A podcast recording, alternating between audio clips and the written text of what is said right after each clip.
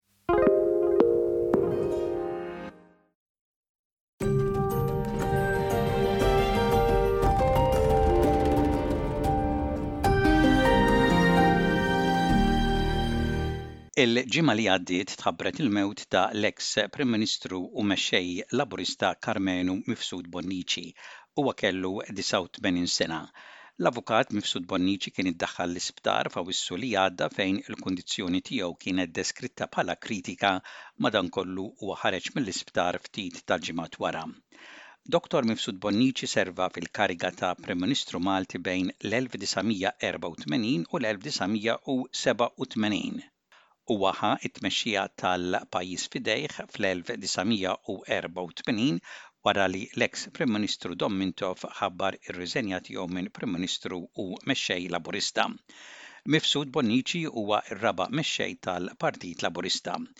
Il-funeral ta' Karmenu Mifsud Bonnici sar it-Tnejn fil-Knisja tal-Kunċizzjoni fil-Ħamrun. Infakkru lil Karmenu Mifsud Bonnici parti minn intervista li kont għamilt miegħu f'April ta' l-1990 meta kien ġie l-Awstralja biex jieħu sehem f'marċ favur il-paċi li kien sar f'Ħadd il-Palm ta' dik is-sena f'Sydney wara stedina li kienet saritlu minn Nuclear Disarmament Committee Dak iż-żmien, Karmenu Mifsud Bonnici kien il-Kap ta' l-Oppożizzjoni Laburista fil-Parlament Malti u Mexxej tal-Partit Laburista. Għalkemm din l-intervista saret 32 sena ilu ħafna mis-suġġetti li kont kellimtu dwarhom għadhom relevanti u interessanti kif iħares lejhom, jitkellem dwar l-armamenti nukleari u l-bżonn ta' diżarmament, kellimtu dwar il-firda politika f'Malta ta' dak iż-żmien, x'ifisser li jieħu t-tmexxija tal-partit minn idejn persuna bħal ma kien Mintoff, il-korruzzjoni, is-sħubija ta' Malta fis-suq komuni kif kien magħruf dak iż-żmien, jiġifieri fl-Unjoni Ewropea, li l-Oppożizzjoni dak iż-żmien kienet kontriha, u l-ħaddiema barranin. Kont bdejt biex nistaqsih jekk kienx ta' gwadann li ġie l-Awstralja għal dak il-marċ. Iva, kien ivalla pena imħabba il-kawża. L-importanza li f'dawn il-ġranet jew f'dawn iż-żminijiet irridu nagħmlu nagħtu għall-isforzi li jridu jsiru dwar id-diżarm. Illum kulħadd qed jaħseb illi l-problema tal-gwerra tbiegħdet imħabba ftehim li hemm bejn l-Istat Uniti tal-Amerika u l-Unjoni Sovjetika. Fil-fatt, jekk ma jkunx hemm ftehim dwar id-diżarm, ikollna ġlied u gwerer f'ħafna reġjuni tad-dinja u għalhekk illum il-problema tad-diżarm għadha taħraq bħalma kienet qabel. Onorevoli, ma taħsibx li Meta f'Malta għandna tant nuqqas ta' paċi u ftehim ikkaġunat mill-politika, il-mexxejja Maltin għandhom l-ewwel jippromwovu din il-paċi f'pajjiżna l-ewwel. Le, għax m'għandha x'taqsam xejn. Għaliex aħna qed nitkellmu dwar il-paċi bejn pajjiż u ieħor li tiġi disturbata b'ġlied tal-armi. Kieku jinqala' ġlied f'nofs il-Mediterran, jispiċċa kull attività politika f'pajjiżna u jintilef kull progress li sar f'pajjiżna. Allura jekk anki rridu nippreservaw dak li kkwistajna, ksibna f'pajjiżna, irridu qabel nassiguraw li jkun hawn paċi fil-Mediterran ħalli ma nitilfux dak kollu li bnejna matul is-snin li għaddew. Imma ma taħsibx li l-firda donnha kibret daqsxejn f'pajjiżna, pajjiż żgħir bħal Malta, aħna magħrufin tul l-istorja għall-għaqda u l-imħabba bejnietna. Ma naħsibx li tajjeb li wieħed jgħid hekk. Huwa veru li l-kwistjonijiet politiċi f'pajjiżna huma spissi u għandna ħafna, imma qatt ma wieħed jista' jgħid li f'pajjiżna ma kienx hemm firda. Jekk tmur f'Raħal Żgħir issib firda bejn żewġ qaddisin, jew żewġ baned. Fuq il-futbol għandna l-ferta, jiġifieri il-kwistjoni tal-ferta hija xi ħaġa li hija naturali għall-karattru Malti. Illum għandna iktar enfasi fuq il-politika. Imma wieħed irid jifhem illi pajjiżna bħala pajjiż indipendenti u ħieles għadu fil-bidu tiegħu. U għalhekk wieħed jistenna illi fil-qasam politiku, fil-bidu tal-ħajja ta' nazzjon, meta l-nazzjon għadu jitwieled u jitwaqqaf ikun hemm din il-ġlied u l-inkwiet politiku. Meta ngħid ġlied mhux jiġifieri ġlied vjolenti ma ġlied fil-politika, nuqqas ta' ftehim u kontestazzjoni fuq l-ideat u l-proposti fil-qasam politiku. Allura x'lest li jagħmel il-partit tiegħek biex din il-firda l-vjolenza tonqos xi ftit? Vjolenza m'hemmx Malta. Iktar hemm fil-futbol milli hemm fil-politika. U sfortunatament ma naħdux eżempju minn dak li jiġi f'pajjiżi barranin. F'Malta nirċievu pereżempju t-television Taljan u l-ammont tal-vjolenza li wieħed jara l-Italja hija xi ħaġa tal-għaġeb. Jekk wieħed jara x'inhu jiġri l-Ingilterra jsibu vjolenza ħafna iktar. Fil-pajjiżi kollha tal-kontinent insibu ħafna vjolenza. F'Malta m'għandniex dat-tip ta' vjolenza. Biex innaqqsu l-inkwiet bejnietna, irridu l-affarijiet noħduhom iktar bil-kalma. Ma nistgħux ma jkollniex differenzi għaliex għandna ideoloġiji differenti. Jekk gvern jipprova jħassar dak li kien għamel gvern ta' qabel, ma jistax jistenna ħlief li jkun hemm reżistenza għal dan it-tħassir tal-politika li konna mixjin biha qabel, jew tal-proġetti li jkun beda Gvern qabel. U għalhekk iktar milli x'jista' jsir min-naħa tal-Oppożizzjoni f'dawn is-snin li aħna qegħdin fl-Oppożizzjoni, wieħed jistenna li inizjattivi biex jonqos l-inkwiet f'pajjiżna jridu jittieħdu minn min ikun fil-Gvern, mhux minn min ikun fl-Oppożizzjoni. Issa dan l-aħħar f'laqgħa ta' solidarjetà bit-tema Lejn Mediterran Ħieles minn Truppi u Bażijiet Barranin, inti għedt li waqt li d-dinja kollha llum tifraħ tara li l-pajjiżi tal-Lvant u l-Punent tal-Ewropa jtaffu l-konflitti li hemm bejniethom u jieħdu passi determinati biex inaqqsu l-armi, huwa fatt li l-istess forzi qed joktru fil-Mediterran. Tista' tagħtina aktar dettalji dwar dawn il-forzi? Iva. Per eżempju, jekk wieħed jieħu n-nuclear warheads li tneħħew mill-pajjiżi tal-Ewropa tal-Nofs, dawn minflok inqerdu, tqiegħdu fuq bastimenti navali tal-United States u tas-Soviet Union. Qed naraw li filwaqt li fl-Ewropa qed ikun hemm tnaqqis tal-armamenti, anke nukleari, fil-Mediterran qed ikun hemm żieda tal-armamenti, anke nukleari. U allura din għalina hija xi ħaġa li ma nistgħux noqogħdu għaliha.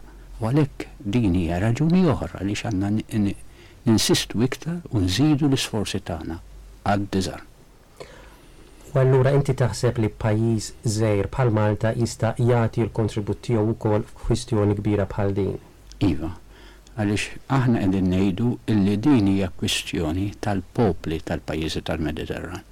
u jekk inqanqlu l-kuxjenza pubblika fid-diversi pajjiżi tal-Mediterran, il-gvernijiet ta' dawn il-pajjiżi ma jkunux jistgħu jirreżistu l-pressjoni li ssir mill-poplu. F'dawn iż-żminijiet kulħadd impressjonat kemm gvern waqgħu taħt pressjoni tal-poplu jew kemm gvern kellhom ibiddlu l-politika tagħhom għax jiġu ppressati mill-opinjoni pubblika. Ix-xogħol li rridu nagħmlu huwa li nqanqlu l-opinjoni pubblika ħa tippressa l-Gvern ħalli jittieħdu passi sinċieri u konkreti dwar id-diżarm.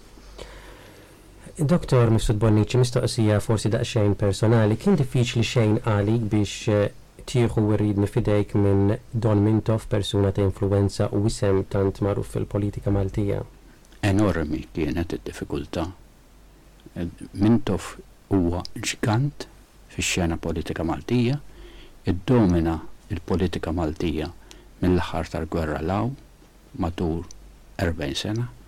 Kien tista' tgħid l-iktar politiku kapaċi li qatt Malta pproduċiet. It-tibdil li ġa f'pajjiżna ma kien joħlom ħadd li se jsiru fi żmien hekk qasir, biżżejjed wieħed jifhem illi pajjiżna illum huwa ħieles mill-barrani mentri fl-istorja tiegħu qatt ma kien ħieles mill-barrani u għalhekk id-diffikultà kienet kbira ħafna biex tieħu u tidħol fil-post li ħallew. Kien hemm xi diviżjoni fil-partit stess meta forsi xi membri tal-partit kienu jistennew li jieħdu t-treġija tal-partit f'idejhom? Ma naf li qatt kien hemm diviżjoni. Nista' ngħid jien kont issuġġerit, propost, mid-Deputy Leader ta' dak iż-żmien, l-Avukat Joe Brincat, u mis-Sur Lori Sant, u skont il-voti li jiena tlabt, anki voti sigrieti, jidher li m'hemmx qasma, anzi, kważi unanimi, minn 1,500 vot, mhux daqshekk ivvutaw, xi tlieta jew sitt voti kien hemm kontra. Il-Partit Laburista minn dejjem ippreżenta ruħu wkoll bħala il-partit tal-ħaddiema. Fil-qosor, kif tara li hija l-qagħda ġenerali tal-ħaddiem illum il-ġurnata u l-postijiet tax-xogħol f'Malta?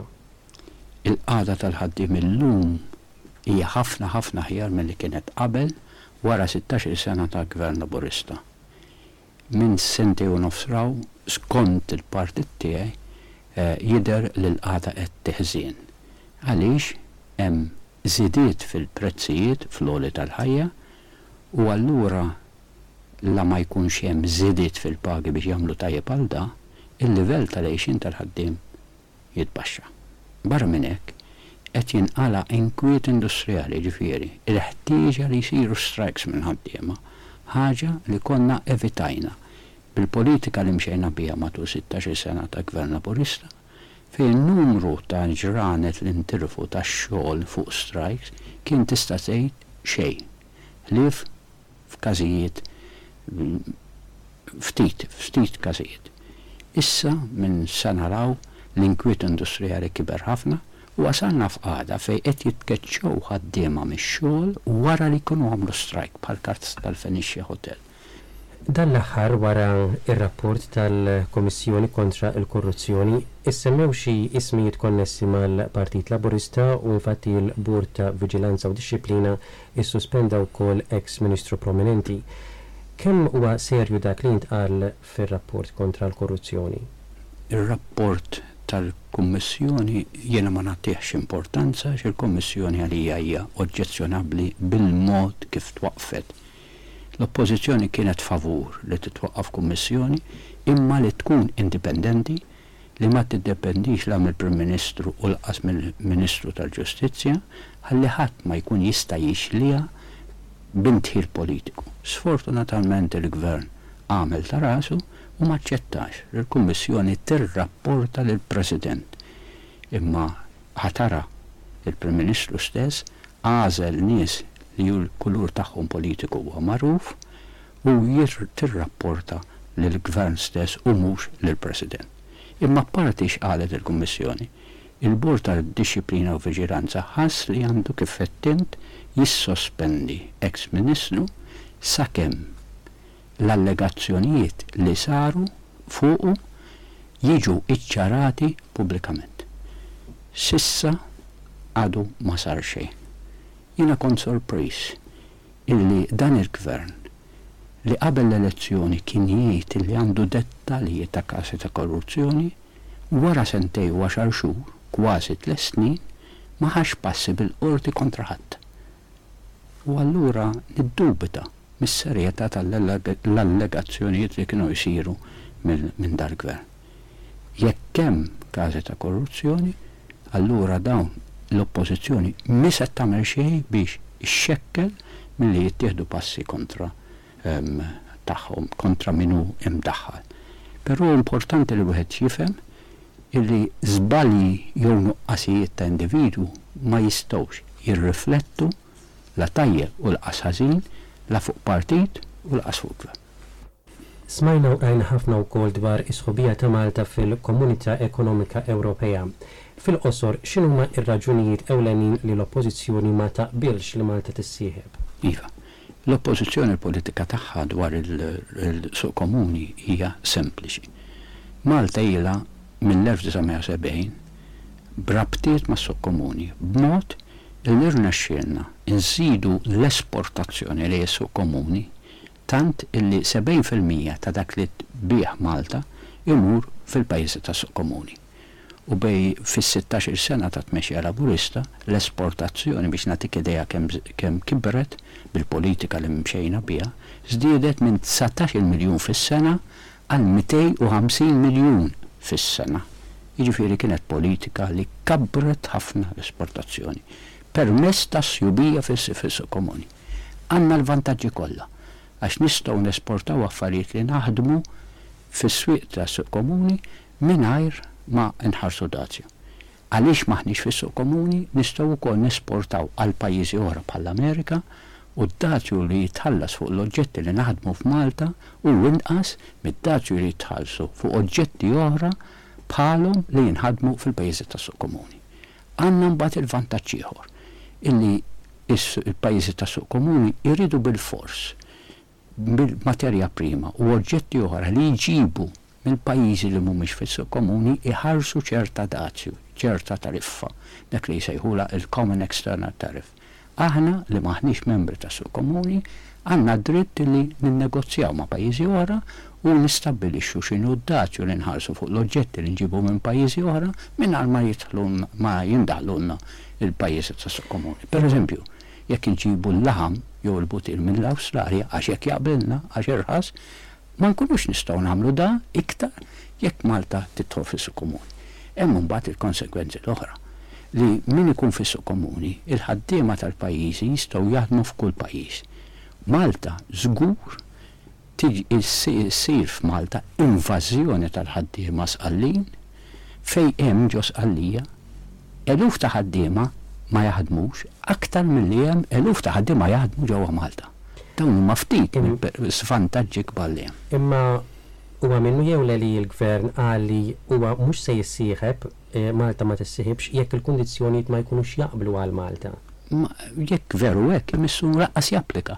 Għax dak li għamilna l-Partit Laburista kull m'għamel qabad ir-regoli tas-suq komuni, applikahom għas-sitwazzjoni f'Malta u qal, jekk aħna nissieħbu u jkollna bilfors inbaxxu rasna għal dawn ir-regoli, se jkun hemm dawn il-konsegwenzi. Il-Gvern kieku għamel hekk imissu wasal għall-konklużjoni tagħna. Imma l-Gvern mhux hekk għamel. Ħdax-il sena ilu, jiġifieri fis-79, Hu l-Gvern, il-partit fil-Gvern, kien iddeċieda li għandna nissieħbu fis-suq komuni, mhux napplikaw, għandna nissieħbu. Issa l-Gvern qed jgħid l-ewwel se japplika u mbagħad jinnegozja l-kondizzjonijiet meta jaf li sa 1993 is-suq komuni ma jistax jinnegozja ma' pajjiżi li japplikaw biex jidħlu fis-suq komuni imħabba d-diffikultajiet li għandhom biex jgħaqqdu s-suq wieħed, jgħidulu, s-single market. Minkejja li hu jaf li sa 1993 ma jistax jinnegozja u jaf li qabel il-1993 irid ikun hemm elezzjoni f'Malta, il-Gvern huwa deċiż li f'Lulju japplika u allura ma nemmnux li fil-fatt huwa se jara x'inhuma l-kundizzjonijiet għall-perijodu transitorju. Mhux għal dak li jiġri minn Malta wara li Malta tissieħeb definittivament. Allura inti tara li hemm xi vantaġġi jekk Malta tingħaqad fil-Komunità Ewropea? L-uniku vantaġġ huwa l-għajnuna li jingħataw mill-regional funds. Imma l-iżvantaġġi huma tant ikbar illi dak li l-ftit li nirbħu mill-regional funds Nitilfu ħafna iktar fosthom is-sensi li jkollhom jingħataw minn ħafna industriji li ma jkunux jistgħu jiġu iktar megħjuna u s-sensi li ngħataw meta jiġu ħaddiema jaħdmu f'Malta. Il-propjetà tinxtara mill-barranin u allura ma jkunx hemm iktar għall-Malti u lanqas għall-emigranti li jridu jiġu lura.